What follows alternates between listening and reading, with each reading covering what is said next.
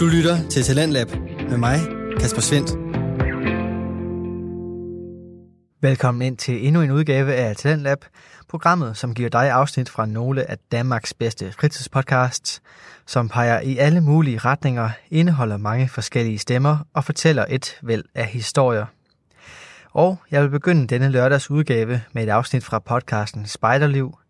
Den består af de to værter, Sten Eriksen og Kim Pedersen, som udover at være podcaster, også står bag opdateringen af KFUM-spejdernes hovedbog, også kaldet Spejderliv. Arbejdet med bogen har fået de to mænd til at tænke over alle de ting, som der ikke lige er plads til i sådan en bog, og derfor der har de valgt at starte podcasten. I den går de således i dybden med en række forskellige emner, og det førte blandt andet også til et historisk neddyk ned i, hvordan spejderne overhovedet kom til vores land. De to podcastværter valgte at lave en lille miniserie over det emne, og her der kan jeg præsentere dig for episode 4 fra den serie. Den foregår i årene efter 1. verdenskrig, og den byder på lidt af en strid. Velkommen til fjerde og sidste afsnit i vores lille miniserie Spejderne kommer til Danmark. I sidste afsnit, der brød KFUM-spejderne ud af det danske spejderkorps og stiftede deres eget selvstændige korps. Og så kunne man jo spørge, hvad skal det her afsnit handle om? Vi har jo de to store spejderkorps i Danmark, KFM-spejderne og det danske spejderkorps.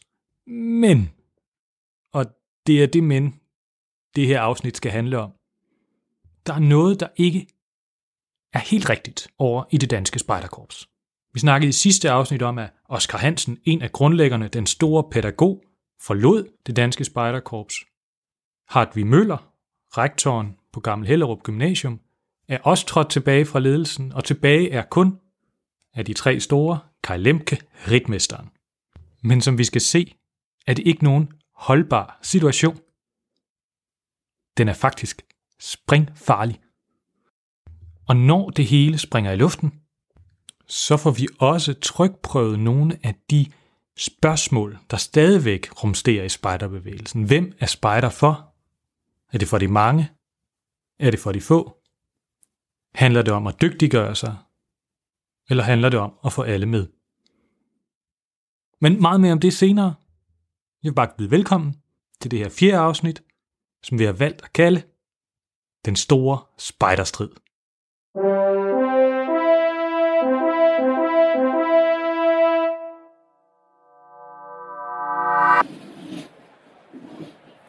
Ritmesteren skuer ud over sletten, hvor tusindvis af spejdere står legnet op. Han smiler, mens han går. Den karakteristiske monokkel glimter i solen, og han hilser på spejderne med sin ridepisk. Ved siden af ham går den unge prinsesse Margrethe med en buket blomster i hånden. Dem har hun netop fået overragt sammen med Sølvulven, fordi hun er blevet udnævnt til æreschef for det danske spejderkorps. Ritmesteren slår ud med armen og viser stolt sit spejderkorps frem for prinsessen. Sten, det her det er sidste afsnit. Ja. Det, det, er, det er det her, vi har bygget op til i tre andre afsnit. Den her historie, vi i virkeligheden vil fortælle. Jeg håber, vi ikke går helt øh, George Lucas og opbygger en saga, og så tænker, vi laver lige tre til. Lav en prequel. Men øh, da vi forlod fortællingen sidst, der Skal havde, vi, vi skal lige lukke nogle ting af, siger du. ja, altså der havde, øh, det væsentlige der var jo, at nu har øh, Kai Lemke ligesom erklæret krig. Mod KFUM, ja. Ja. Det er jo svære tider, konfliktfulde tider, og så er det jo godt, at man har den øh, grønne jernnæve, Jens Grane.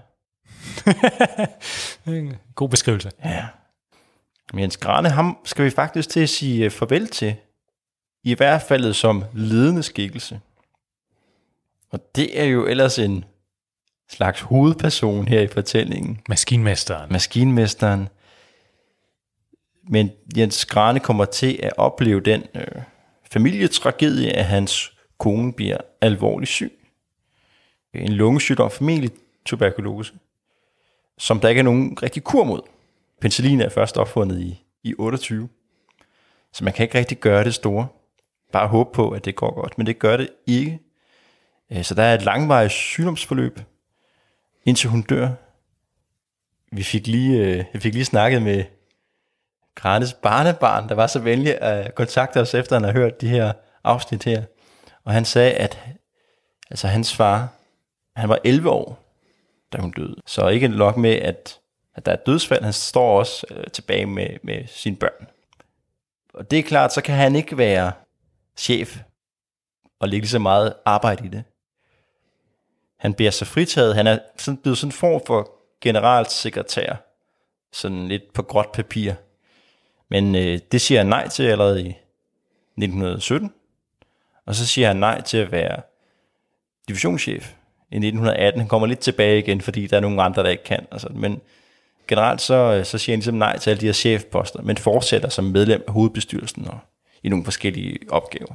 Men øh, det ender jo med, at, at Grane bliver livslangt øh, medlem. Altså han er medlem i hele sit liv, og han bliver jo også øh, øh, HB-formand igen. Men det er så først op, hvor 18. verdenskrig starter.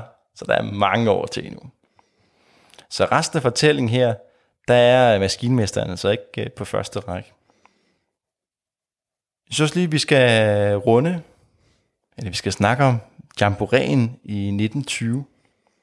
Jamboreen er sådan en form for spider-konkurrencesport. Man, man ligger ikke sådan for alvor i et telt. I hvert fald ikke, hvis man er konkurrencehold. Det bliver holdt på sådan en form for...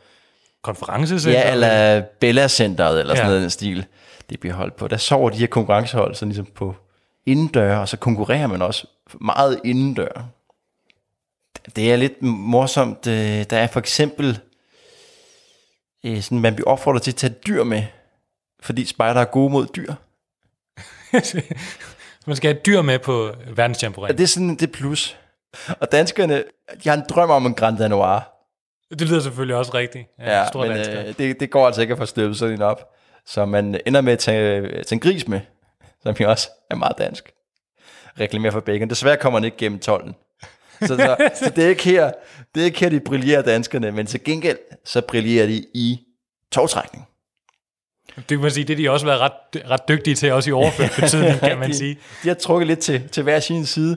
Jamen, togtrækningskonkurrencen er sådan en hyped konkurrence, fordi avisen Daily Mirror har sponsoreret en meget stor pokal, som, øh, som danskerne jo vinder på ærefuld vis og får overragt af selveste Paul, verdensspejderchefen. Til verdensjamboreen, der møder øh, Lemke Band Paul, og det er ikke første gang. Band Paul har også været i Danmark, hvor at, øh, der har været et lille arrangement. Spejderne har ligesom gemt sig i græsset, og så er Band Paul kommet til en helt bar mark. Det var mærkeligt. Og så har øh, Lemke ligesom taget fløjten og fløjtet, og så kommer alle spejderne op. Det synes Band Paul godt om. Det kunne han godt lide.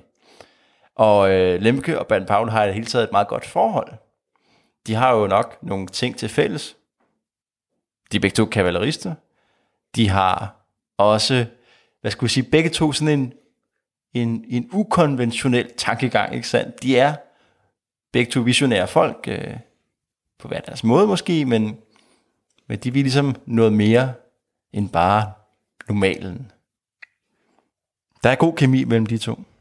Lemke er på den her tur i 1920, hvor han også tager til USA, og så kommer han hjem og er springfyldt af idéer. Mhm.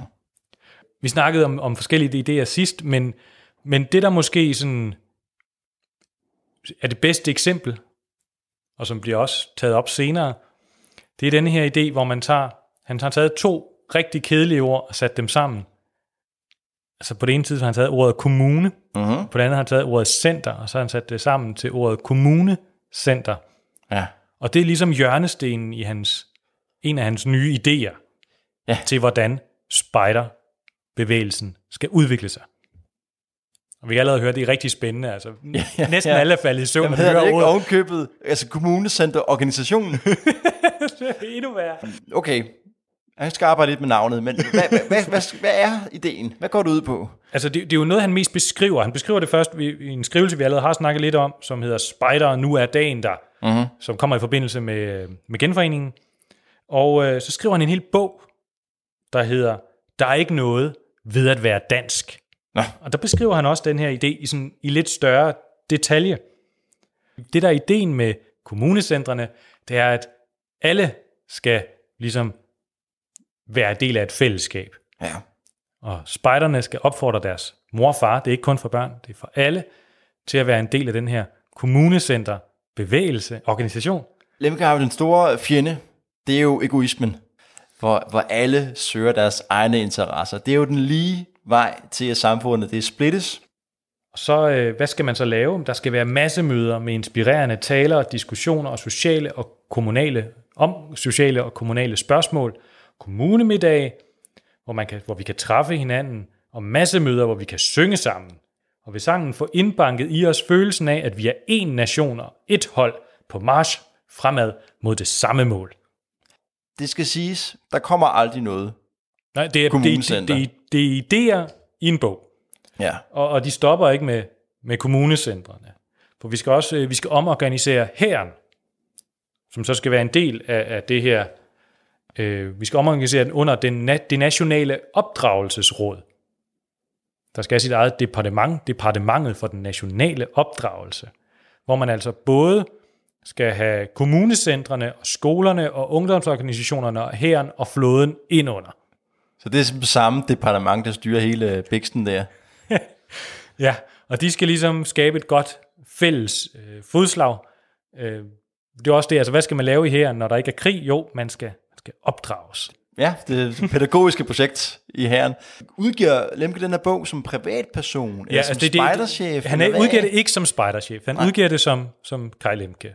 Så, men der er ikke nogen tvivl om, hvor, hvor det kommer fra. Han nævner også øh, spejderne i meget naturligt i bogen. Men det, er- det er bare en vild, det er en vild idé at sige, det er sådan her, jeg forestiller mig, at samfundet skal være indrettet. Ja, han har simpelthen nogle helt øh, nyskabende idéer om samfundets indretning.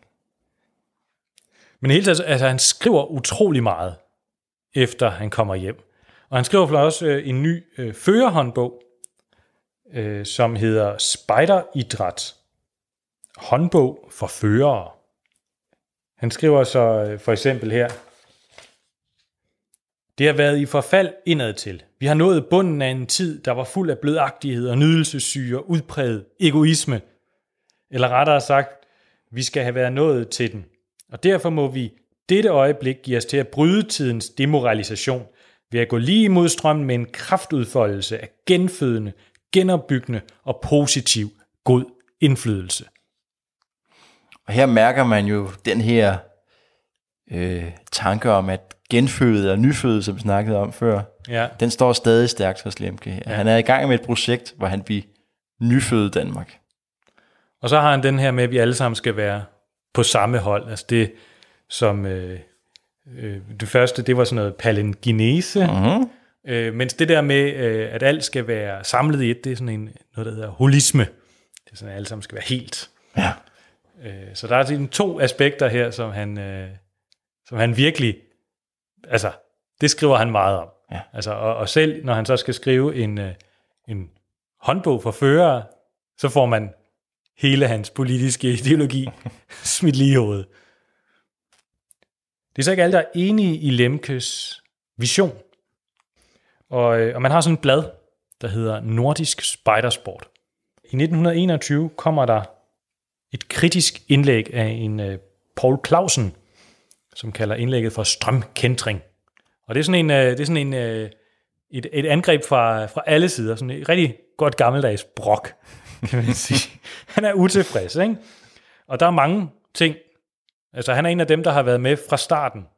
Og det han reagerer på, det er, at Lemke i et tidligere indlæg har kaldt de første spejdere for en raslebande. Ja, Og det er ligesom det, han starter med at tale imod, og så kommer resten ligesom bare dernede af, flydende i stide stridstrømme. hvad, en raslebande, hvad, hvad, hvad forstås ved det? Jeg tror bare sådan lidt uorganiseret, at de ikke rigtig havde styr på, hvad man skulle gøre, og hvordan man var spejder. Ja, okay. Jeg, jeg ved, jeg, Ej, ej. jeg ikke helt, altså han, han tager anstød i hvert fald. Ja. Det er ikke noget godt at blive kaldt. Nej. Og han har mange pointer, Clausen. For det første, så, øh, så kommer han med en, en øh, kritik, der siger, at det er, det er for let at blive spejder nu om dagen. Det er for let, og der er for mange, der bliver det. Det var ikke ligesom dengang, hvor man virkelig skulle føle idealet. Så, så der er en virkelig en, øh, mens øh, Lemke jo, især for eksempel hvis man tager kommunecentren, der handler det om, at alle skal, skal være med ja. i fællesskabet, ikke? Og, og alle skal være med i det her spejder. Øh, så øh, Clausen er næsten af den lige modsatte. Det spejder skal være noget, noget elitært, noget for de dygtige, noget for de særlige, øh, ide, altså de særlige idealistiske, og særligt egnede ja. unge mænd. Og så, øh, så mener han også, at det, som spejder kan, det handler om værdierne, det handler om det ridderlige, den ridderlige spejderlov, det er det, der er tiltrækkende. Det er ikke, hvad skal man sige, sporten i det, det er ligesom værdierne, der ligger nedenunder. Og der mener han, at nu til dags, der er værdierne og idealerne, de er simpelthen for slappe. Okay, så der er en, der brokker sig, men det må man vel finde sig i som spejderchef, eller hvad? Er der nogen, er der sådan en større bevægelse? Jamen det, det er jo det, vi, det ved vi ikke helt. Altså, ikke? Men han skriver for eksempel, øh, at, at hvis det bliver ved sådan i DDS, så kunne man jo tænke sig, at øh, et korps, endnu ikke stiftet, kunne løfte den opgave, som han ser med at kunne bygge karakter og være for de dygtigste spejdere med de stærke idealer. Mm-hmm. Og ellers, så skriver han så også, ellers så kunne de mest idealistiske jo gå over til KFM-spejderne. Og KFM-spejderne har jo en gevaldig vækst. KFM, altså hovedorganisationen KFM, har lovet KFM-spejderne, at de vil gerne være med til at finansiere en smule løn. En, del løn. Så det skaber mulighed for, at man kan ansætte en øh, generalsekretær. Øh, der er lige det betingelse, at det skal være en præst. Det er en politik hos KFM. De, de ansætter næsten kun folk, der har en teologisk uddannelse. Heldigvis er der en, der både er dygtig spejder, og under uddannelse til præst, og som også er, ja, altså en kompetent leder. Han hedder LP Fabricius, han bliver ansat som øh, korpssekretær. Og under hans øh, ledelse, som er forholdsvis kort, tre år, der oplever KFM-spejderne en voldsom vækst. Øh, allerede de første to år, han er ansat, femdoblet. Man går fra 500 til 2500. Så KFM-spejderne vokser jo som konkurrent. Og for at det ikke skal være løgn, så er der en alliance under opsejling. DDS er jo det største spejderkorps i Danmark. Men de er jo ikke det største uniformerede drengekorps. Mm-hmm. Hvem er så det? Det er FDF. Frivilligt Drengeforbund. De har hele 9.000 medlemmer. De har jo også uniformer på. De laver jo spejderlignende aktiviteter. Og de er også kristne. Men FDF kan jo godt se, at spejderarbejdet, det vækster gevaldigt. Og, øh, brugte garanteret det ord. det var alle, alle djøfferne i FDF dengang. Men det, de kan jo fornemme, at uh, have en konkurrent, som om et par år måske er større end FDF, hvem ved. I hvert fald, så kommer der en henvendelse fra FDF til centralorganisationen i KFM, om man ikke kunne have lyst til at øh, lægge de to korps sammen. Og det er jo værd at bemærke, at man ikke sådan spørger KFM-spejderne direkte, men de er jo under KFM-paraplyen. Inde i KFM, der har man ikke helt set fidusen ved at have et spejderkorps endnu. Især ikke fordi, at det jo konkurrerer med FDF om de samme drenge i princippet. Og så har du to kristne korps, der ligesom river efter medlemmer. Det dur jo ikke. Hvis man kunne lægge dem her sammen, så vil KFM og FDF være det største uniformerede kristne drengkorps i hele Danmark. Selveste Olfert Ricard, han er med til det her, øh, den her sammenlægning. Han bliver simpelthen kaldt ind for at øh, forestå den store, ja. stærke præst fra KFM. Allerede den 1. maj 1921, så er sammenslutningen en realitet. Den fælles land. Så KFM og FDF er, er slået sammen? sammenlagt, men primært på papiret. Der er jo stadigvæk noget arbejde, der skal ske for at ligesom reelt set at få ført de, de to korps sammen. Sådan rent praktisk. Der bliver nedsat en fælles landsbestyrelse, og der arbejdes hen imod det første fælles landsmøde, som skal afholdes den 30. oktober 1921. Men øh, det er nogle ting, der knirker lidt. FDF, de har jo aldrig sådan rigtig anerkendt spejderarbejde, det har noget, der hedder væbneridræt. Som måske er lidt det samme, men jo heller ikke er helt det samme. Og FDF har altså ikke tænkt sig at øh, slippe væbneridrætten. Så nu af skal det hedde væbneridræt. Så er der også noget andet, der knirker. Og det er jo, at KFM udspringer Indre Mission. Men FDF har nogle kredse, især i Jylland, som er grundvidianske. Altså den anden af de store kirker. Og nu har vi igen flere fraktioner, der ligesom kan ja. være internt uenige. Perfekt. Det er heller ikke sådan øh, noget, man bryder sig om. Og så navnet. FDF er ikke rigtig glad for, at KFM kommer til at indgå i det nye navn. Man kan ikke rigtig finde ud af, hvad skal det her nye, nye drengkorps hedde. Alfred Richard, han prøver virkelig, han har, for, han har fået godt, en god idé. Det skal hedde Kristligt Drengkorps. Der er både lidt frivilligt drengeforbund, og der er noget korps fra, fra spejder-delen. Ja. Og det får øh, flertal, men det får ikke kvalificeret flertal. Og man kan altså ikke blive enige om navnet. Efter det her, så går det langsomt ned ad bakken med sammenlægningen. Det dur simpelthen ikke. Kristi Drengkorps bliver aldrig til noget, undtagen i Kolding, ja. hvor det er meget kuriøst fungerer et par år, øh, indtil det så øh, bryder sammen. Den her sag vidner også om, at Olfert Ricard, han har ikke den samme kraft som i hans unge dage. Efter Første Verdenskrig, så har man set mange grusomheder derude. Og der er mange, der tvivler på, om Ricard Moore helt har forstået Guds inderste væsen, og hans kur der med kultur og smagfuldt indrettede foreningshus og sådan noget, er det den rigtige måde. Han er kommet i modvind. Om et par år, 1925, så vil han blive mobbet ud af, af KFUM af den nye formand, Karl Mo, som altså kommer fra Harbour Øre, og er en mand af en helt anden støbning. Men Lemke, han er også ude og søge allierede blandt uniformerede drengekorps. Ja, han har kigget på en helt anden organisation, øh, som DDS har, har talt lidt med, og som han åbenbart har været enig med på visse områder. Så da han skriver til Københavns division, at nu skal vi have en indsamling for at skaffe penge til korpset, så skriver han i samme ombæring, at de skal arbejde sammen, måske endda ret tæt, med det, der hedder DUI. De unges idræt. De unges idræt. Og det er en socialdemokratisk ungdomsorganisation. Ja, den er skabt lidt for at modvirke FDF. FDF er jo kristen. Ja, der, er alle, alle, der er ingen, der vil være venner. Der er, ingen, der er ingen, der vil være venner, ja. FDF, de stjæler jo arbejderklassens børn, ikke sandt? Og, og, og gør, ja. dem, gør dem kristne. Og det er man meget bekymret for. Så for at modvirke det, så laver man et modtræk. Ja. Og det er DUI. Så, så laver de lidt det samme som ja, det er jo så FDF, det, hvad, bare hvad uden det kristelige... Ja, på et tidspunkt, og, og, og nu hvor spider bliver populært, så begynder de at lave mere og mere spider ting. Men de kan jo komme i kontakt med arbejderklassen, må man sige. Så det er Lemkes alternativ til KFM-spejderne, som havde fat sådan mere bredt. Ja, det er jo en genvej. Ja. Ja, til at komme bredt ud. Ja. Faktisk så, øh, man kan også læse i, øh, i en nordisk, hvad kaldte jeg den? Det var nordisk spidersport. Nordisk spidersport, ja.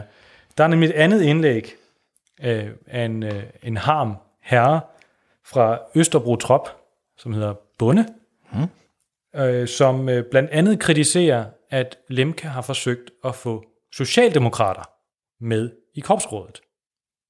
Og det svarer Lemke så personligt på i det, den her omgang, og kalder sådan meget nedladende, at han skal ikke komme her med sit brok, han skal tænke positivt og komme med løsninger i stedet for. Mm-hmm. Ja. Og i øvrigt vil han kun høre på øh, kritik fra korpsrådet. Så hvis man er med mini-tropsfører, så kan man godt klappe i. Mere eller mindre. Ja. Og hvorfor, så, men hvorfor, hvorfor stejler de så meget mod socialdemokrater? I, øh, altså, man kan sige, der er selvfølgelig noget med øh, klasseskæld og sådan. Men det er også en del af spejderarbejdets DNA, at man er upolitisk. Det er faktisk ja, helt specifikt en del af DDS's ikke? Altså, der, mm. der er ligesom to ting, de afsværger sig. Du må ikke snakke om religion, og du må ikke snakke politik. Ja. Det er de to ting, man ligesom har besluttet. Det skal både være apolitisk og religiøst. Øhm, og, øh, og nu begynder man jo så ligesom at kurtisere, eller lemke gør i hvert fald, arbejderklassen og Socialdemokratiet, som jo er et politisk parti. Men så ligger der nok også altså, det i det, at utrolig mange i DDS har, har stemt i en lidt anden retning end Socialdemokratiet. Ja. Så selvom det ikke var et politisk parti, så var det stadigvæk overvejende konservativt. Ja, er der ikke også nogle bestyrelsesmedlemmer, der egentlig er politikere? Jo, der sidder i Folketinget for, For, for de konservative. altså, det er sådan lidt hyggelig Men de vil ikke, de vil ikke røre øh, DUI. Nej. Men det er Lemke, han er jo ikke en mand, der lader sig stoppe af den slags.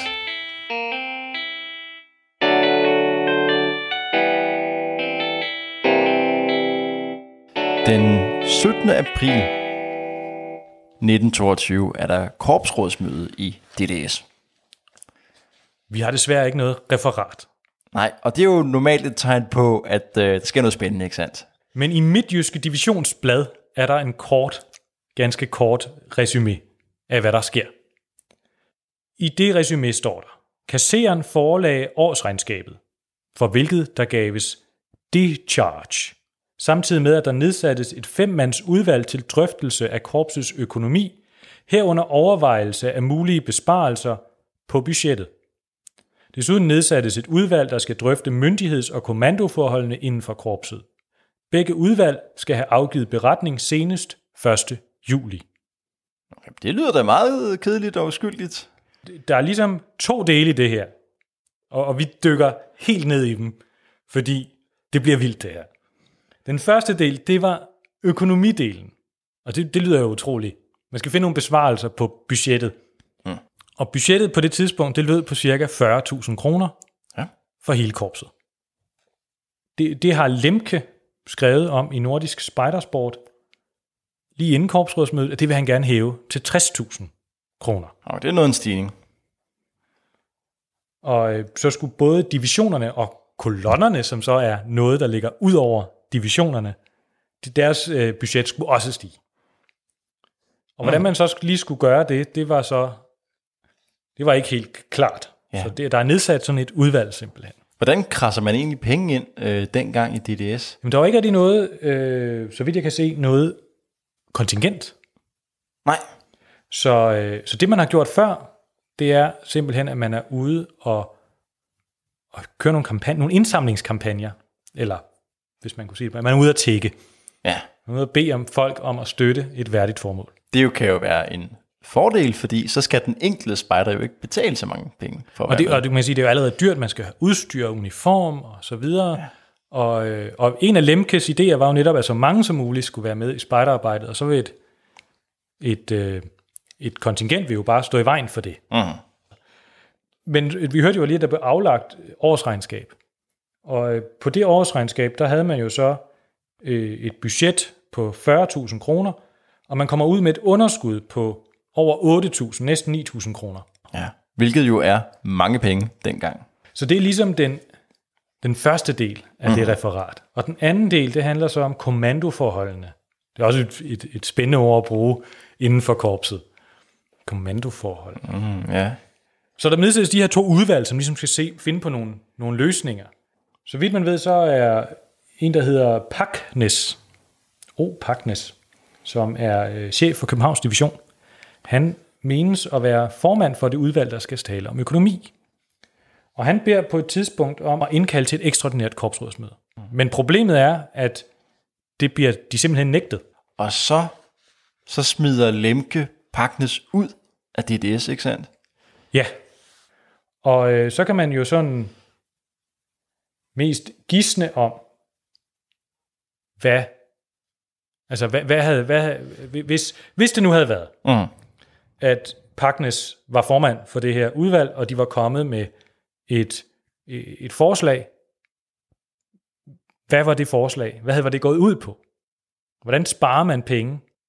Og der er jo måske en post, hvor man kunne spare rigtig mange penge. Man kunne spare 6.000 kroner, hvis man ikke gav løn til spejderchefen, altså Kai Lemke. Mm-hmm. Og han, han begyndte nemlig at få løn allerede i 1917. December 1917 begyndte han at få 6.000 kroner udbetalt. Ved du, eller kan du huske, at 6.000 kroner af datidens penge, er det sådan ligesom, er det urimeligt, eller er det en, en standardløn? Det, altså, han er, Lemke er jo ritmester, og han tjener mindre som ritmester end som spejderchef. Han tjener 5.040 kroner om året som ritmester. Mhm.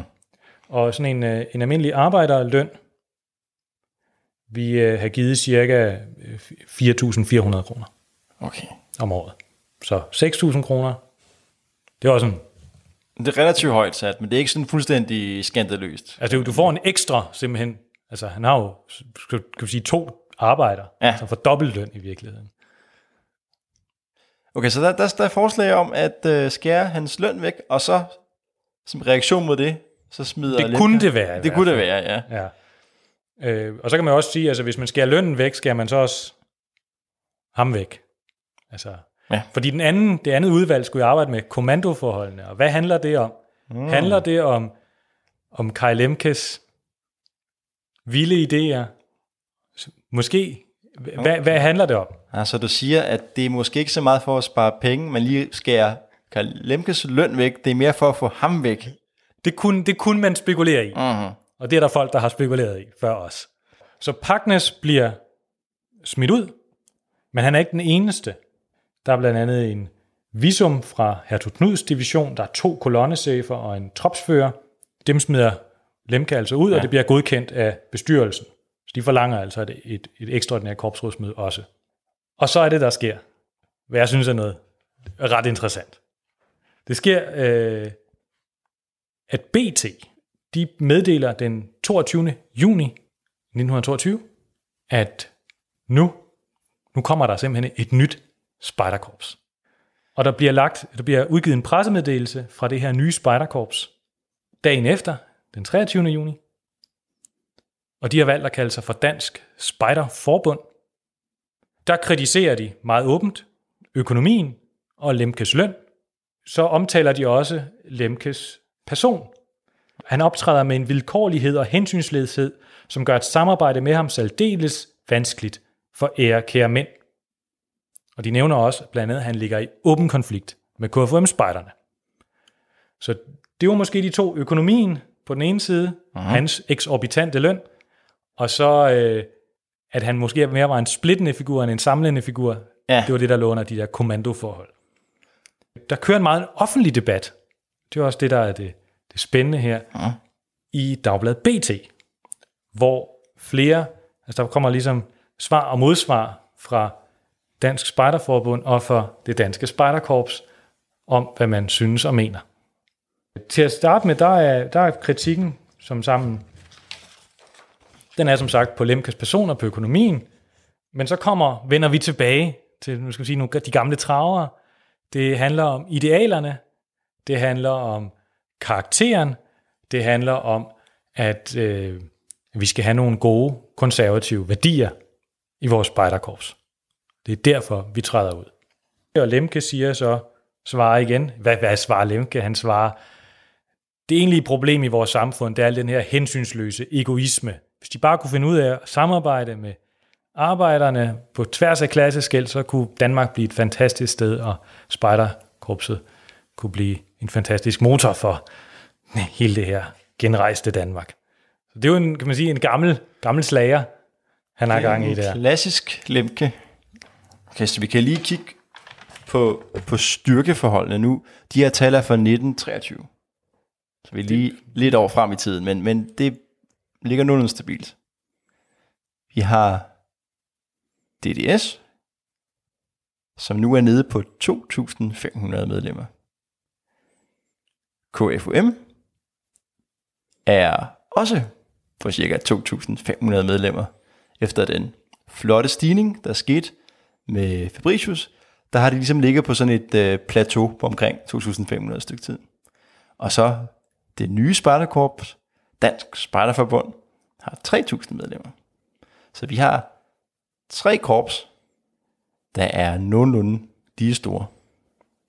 DDS gør alvor af deres øh, flytteri med DUI. De afholder førerkursus for DUI, eller Kai Lemke gør mere eller mindre personligt sammen med nogle øh, unge mennesker. Ove Holm, Claus Vedel, Svend V. Knudsen. Ja. Ho- Afholder de simpelthen et førerkursus for alle DUI øh, ledere i hele, i hele det hedder ikke ledere på det, som hedder fører Ja. øh, på Sjælland. Det er jo nogle loyalister. Nogen, der holder ved Lemke. Ove Holm er en af de danskere, der har været spejder i allerlængst tid. Den første patrulje var jo dannet af Hartvig Møller, nærmest et år før DDS, ni måneder før DDS. Og der har Ove Holm blevet patruljeleder i den patrulje. Så han har været med helt fra starten.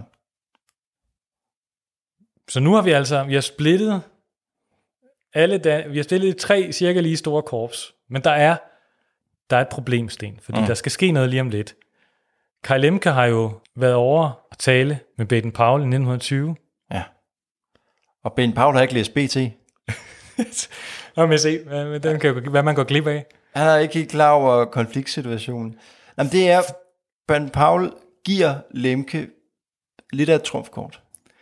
Ja, ja, vi ved ikke helt, hvordan egentlig, Nej. altså, og, hvor, hvor, og, og, om han egentlig får det, altså hvordan, ja. hvordan kommer det egentlig i stand, men vi kunne forestille os, at det har været meget bundet op på hans person. Ja, de har jo et godt forhold. Det er første gang, at jamboræen skal holdes uden for Englands grænser. Nu skal man vise, at det her spejder det er en international bevægelse. Det er ikke kun en engelsk bevægelse. Og det er en, en fredsbevægelse. Så derfor er Danmark jo et godt sted at vælge. Altså, det er jo et lille land. Det har ikke været involveret i Første Verdenskrig. Der er en spejderkorps, og der er en ung mand ved, ved rettet. En mand med store visioner. Så der skal Jamboree, den anden verdens Jamboree, skal til Danmark. Sikke et scoop. Og det skal være i, 1924. så det er jo lige om lidt, vi er 23 nu, og alt er gået i, DDS er jo øh, mere end halveret, og, øh, Ja. ja. og de to andre spejderkorps, KFM-spejderne i Danmark og Dansk Spejderforbund, de er jo ikke anerkendte Nej, øh, spejderforbund. Og man har jo en regel, det er, at det kun er anerkendte, altså dem, der er anerkendt af den britiske organisation, modorganisation, der må deltage i jamboreerne. Ja. Jamboree er jo egentlig ting som sådan en form for fælles møde, og det sociale element for alle verdens spejdere. Men allerede første Jamboree er der holdt nogle konkurrencer, som folk er gået meget op i, og, og vi har blandt andet den her togtrækningskonkurrence, der var sponsoreret af en avis og sådan noget. Det er blevet halvstort, og nu øh, til anden Jamboree, der skal også være konkurrence. Og nu har man noget at skulle forsvare. Det er jo kun de anerkendte korps, der kan stille med et landshold, et konkurrencehold. Oh. Så der, der er endnu mere grund til at, at være med og være anerkendt. bevægelsen er blevet international spejderbevægelsen, og man har lavet et særligt, øh, en særlig byråorganisation til at øh, holde styr på det her. Det er den, som vi kalder WOSM i dag. Dengang hed den BICB. BSIB. Boy Scout International Bureau. Det er en bevægelse, jeg er lidt svært ved at udtale. Men altså, WASM er faktisk blevet øh, oprettet, i, det sker i 1922, Mm, nå. så det er faktisk, men det er efter bruddet. Ja. Så derfor er det kun DDS, der er, er naturligt er med, fordi de, jo- det, det er ligesom bare en formalitet. Det vil sige, at to tredjedel af Danmarks spejdere vi ikke kunne deltage i jamboreen, der holdt i Danmark. Det kan jo lyde som et problem, men for Lemke, så lyder det også som et form for forhandlingsværktøj. Der sker det, at Lemke, han kommer med et fredsforslag. Vi ved ikke helt, altså, hvor det kommer fra. Er det det engelske Spartakorps, der har presset på og sagt, nu må vi få orden i sagerne? Han kommer med et fredsforslag her i august. Og forslaget er en oprettelse af en fælles organisation. Så han har tre punkter. At al strid danske spejdere imellem en gang for alle ophører. Punktum. 2. At der dannes en federation af danske spejdere, der vil se sin første og forløbig eneste opgave der i at stå vagt om en ny æra af broderskabsånd. Noget- det er vildt sprog, ikke? Jo, jo, det må jeg sige. Ja. Og ikke så konkret heller, hvad I skal gøre. Er en federation, ja. Mm. 3. At ovennævnte federation samlet og under et søger international anerkendelse. Men, men, men det spændende her er, at det, kan man- hvem tænder han så den her til? Altså det er jo til DDS, det er til Dansk Spejderforbund, det er til KFM-spejderne, og så er det til FDF og DUI. Der har allerede været sådan, kan man sige, kur på trådet i forholdet mellem for eksempel Dansk Spejderforbund og DUI. Så der sker det, eller det kunne lempe måske næsten regne ud, at det vil man ikke. Nej, det er, og det er på sin vis et mærkeligt forslag, for det er jo dømt til at gå galt. Ja, altså han, ved jo godt, at de her, det vil de aldrig acceptere. Men han prøver måske at, at spille højt spil, nu hvor han har Ja, nu, Jamboree-trumfkortet, ikke? ja, så kan han sige, at jeg har jo lavet et fredsforslag, som handler om broderskabsånd. Mm. Så, øh, så det er bare de andre, der er på tværs. Over i Dansk Spejderforbund, der kan man godt se, at det her det er helt galt. Så det man siger, man siger ikke nej. Man siger, det kan vi slet ikke tage stilling til, før vi er blevet godkendt. Og vi, det her er en helt ny konstellation, som hedder, nu skal jeg, de danske spejder, drengespejderkorps, tror jeg det hedder, det danske spejdergrendekorps, som er en, en paraplyorganisation, anden ny paraplyorganisation, der indeholder det Dan- danske spejderforbund, KFM-spejderne og Epworth-spejderne, Epworth-spejderne. som Ja. vi ikke lige har fornævnt endnu. Men de findes altså også, og Epworth-spejderne er det, som vi i dag kalder for metodist-spejderne. Altså det er metodistkirkens spejderkorps. Ja. Og de har ligesom slået sig sammen i den her paraplyorganisation, og vil sammen søge international anerkendelse. Så det er sådan en form for modtræk. Ja, politisk smart. Vi siger, vi, vi vil gerne være med, vi vil bare lige anerkendes først. Ellers kan vi ikke. Så går det i hårdknud. Fordi Lemke, han vetoer, han vil ikke have, at de skal anerkendes. Over i England, der sidder Baden Powell, og han er ved at blive bekymret. det også Det kan jo hurtigt blive en meget, meget pinlig situation, det her. Det er jo alt det, du ikke ønsker, hvis du skal lave en ny, forholdsvis ny bevægelse. En masse ævl og kævl og kiv. Folk, som ikke kan samarbejde om de simpleste ting, når du nu har en bevægelse, hvis hele målet er for folk til at samarbejde om simple ting. altså, det er jo det er den dårligst mulige reklame. Heldigvis så har han en betroet medarbejder, som er øh, leder af det her øh, organisation, jeg slet ikke tør udtale nu, men, men vores Mick, Ja, der er BSIB. Ja, BCB. Han hedder Hubert Martin. Han er, han har i sit øh, skal sige, erhverv været diplomat, og er sådan, han er sådan en rigtig overklasse. Så han behøver som sådan ikke at arbejde, og derfor så har han tid til at, at lave sådan idealistisk arbejde, for eksempel for spejderne. Så nu sidder han altså som øh, formand for den her organisation, der skal styre det internationale spejderarbejde. Så nu sender Baden Paul ham afsted til København for at få styr på sagerne.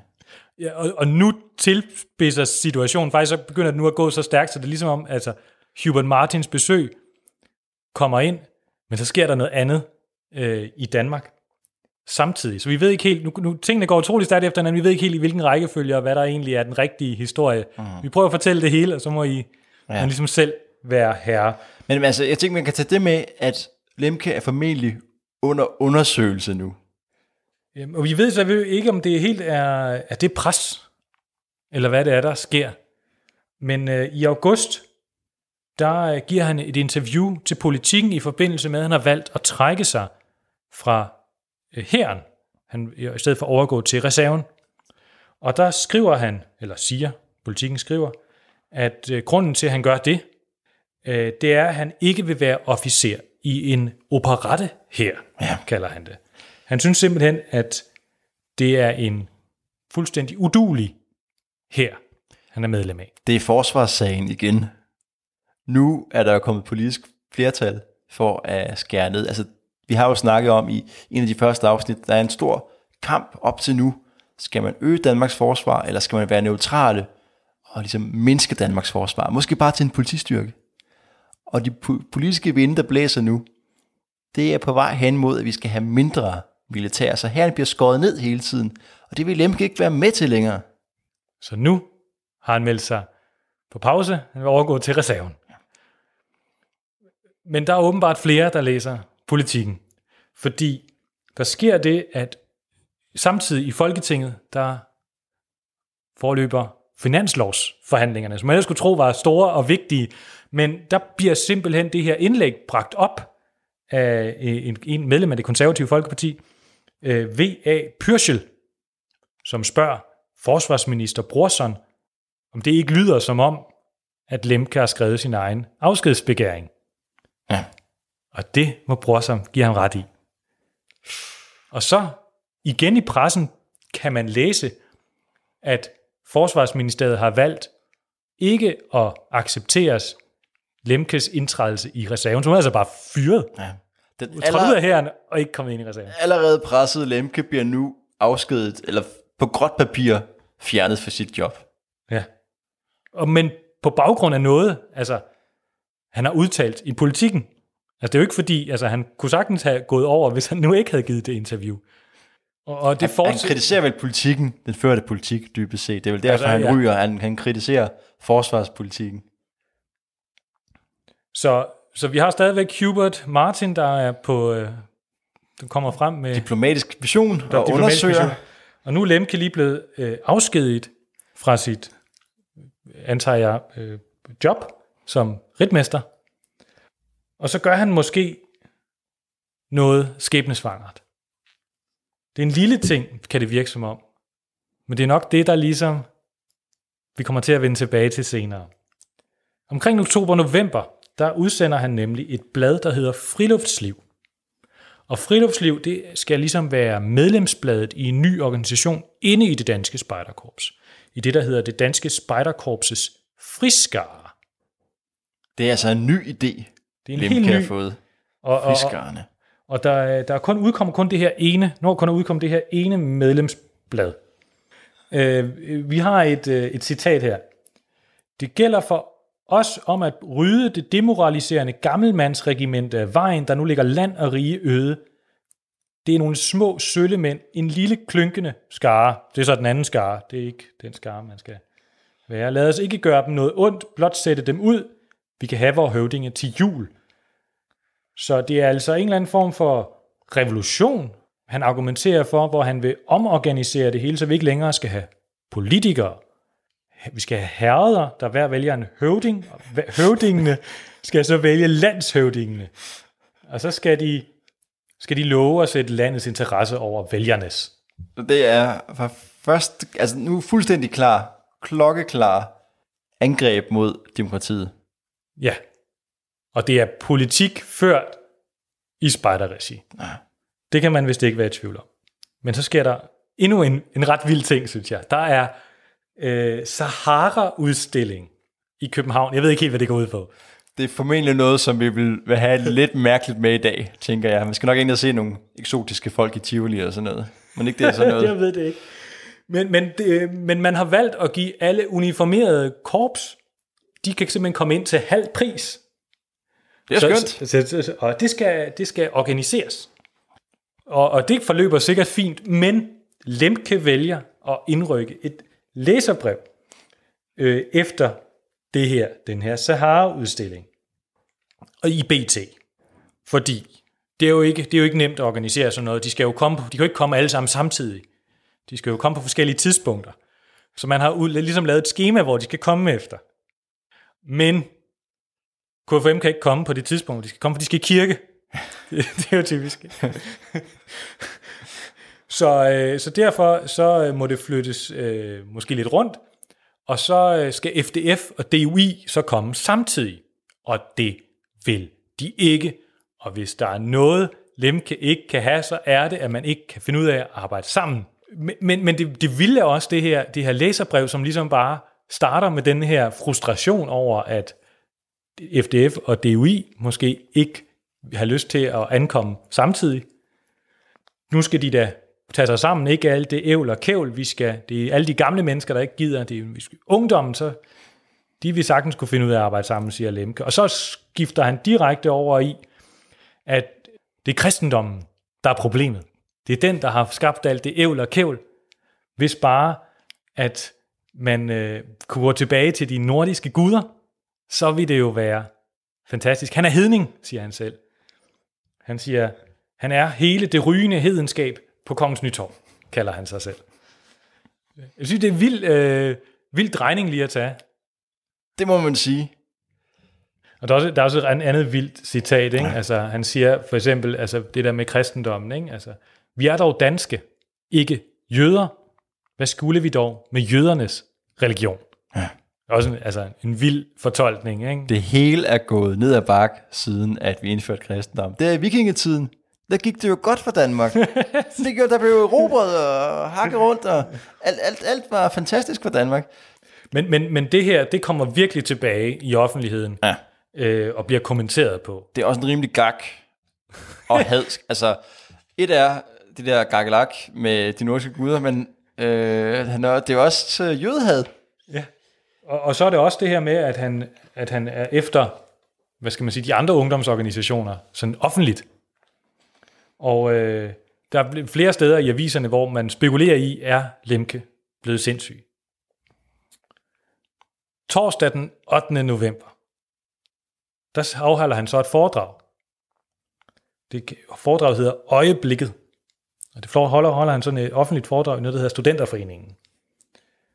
Og der plæderer han, det, det igen, det er en ting, vi har hørt før, men nu siger han det igen offentligt, at han vil afskaffe parlamentarismen, og så skulle føre erstatte de forskellige kommissioner. Og det bliver rapporteret i de forskellige blade, og for eksempel politikken skriver, at spekulere på, er det her må inspireret af italiensk fascisme? De italienske fascisters leder, Mussolini, har jo lavet en ordentlig mars med 50.000 sortskjorter, som de kalder hans partimedlemmer. Så de har marcheret der i sort uniform, og endelig er de nået til Rom. Og der har den italienske konge opløst parlamentet, det siddende parlament, og nu er det ligesom Mussolini og sortskjorterne, der har magten i Italien. Og det er cirka et år siden på det her tidspunkt, så det er sådan lige op til. Og der er sket noget tilsvarende øh, i Spanien lige før. Så måske er Lemke ligesom tændt af den ild. Det er ikke til at sige, men der er i hvert fald nogle ligheder. Det er der, fordi hvad fascisterne, det er blandt andet noget med, øh, vi kan ikke bruge det gamle sådan noget, vi skal skabe et helt nyt samfund. Så det her øh, holisme, Øh, Palingenese vel? Og så er der Jo, holisme, ja, det er, at vi skal mobilisere hele samfundet for den her nye sag. Ikke? Ja. Det, det, det, det er det nye, vi skal skabe. Vi skal skabe et samfund, hvor alle er med og, og, og, hjælper til, og ikke, der ikke er ybeskiv. ja. Og så den sidste del, kooperatisme, Ja. hvor at øh, staten og erhvervslivet arbejder sammen. Og der er også et vink til kooperatisme i hans, øh, hans oplæg i studenterhuset. Der er Lemke meget fascineret af en, øh, en vis herre. Det er noget med, han hedder Alexander Foss, ja. som er en erhvervsmand, som øh, sådan lidt ældre herre på det tidspunkt. Men han, han sad med i, i en kommission under Første Verdenskrig. Hvad, hvad hed den? Den overordentlige kommission. Og det var den, der ligesom stod for at, at koordinere For Tingene. Så, så under Første Verdenskrig har man haft en vis form for kooperatisme i Danmark. for at få tingene til at, at fungere. Men altså, han er gammel. Jeg tror også, han er ret syg nu. Alexander. Ja, der er noget jeg tror, han har fået hjerneblødning eller sådan noget for nylig. Han er i hvert fald en elgammel mand. Men, men øh, Lemke, han kan godt se noget i ham, fordi han, han ligesom har Så vi skulle, vi skulle ikke samle os omkring politikerne, vi skulle samle os omkring Alexander Foss. Ja. ja. Og så på et eller andet tidspunkt, der bliver Lemke også øh, som opfølgning på sit øh, læserbrev om, øh, om Sahara-udstillingen, bliver han også interviewet af det socialdemokratiske middagsblad, der hedder Klokken 5. I interviewet erklærer Lemke KFUM for hovedfjenden. De er en ægel type mennesker, der tror, de er bedre end andre, fordi de kalder sig kristne. Kun ved, at alle sættes lige, kan man samle landets befolkning og rejse landet. Okay. Så det sker lige op til. Og så sker der noget lige herinde den 11. november. Howard Martin, han færdiggør sin undersøgelse. Han har snakket lidt med de forskellige parter, og nu kommer han med et memorandum, med et forslag til en fælles løsning. Og han har fundet ud af, at Spejderforbundet de er villige til at genindtræde i DDS, hvis et Lemke han bliver fjernet fra ledelsen. Så øh, Morsten har talt. Radio 4 taler med Danmark. Det var første del af aftens episode fra Spejderliv med de to værter, Sten Eriksen og Kim Pedersen. Du får anden og sidste del af det afsnit, samt et afsnit fra Improforskerne med Lars Udengård og Martin Winter Sap på den anden side af dagens sidste nyheder, som kommer din vej lige her.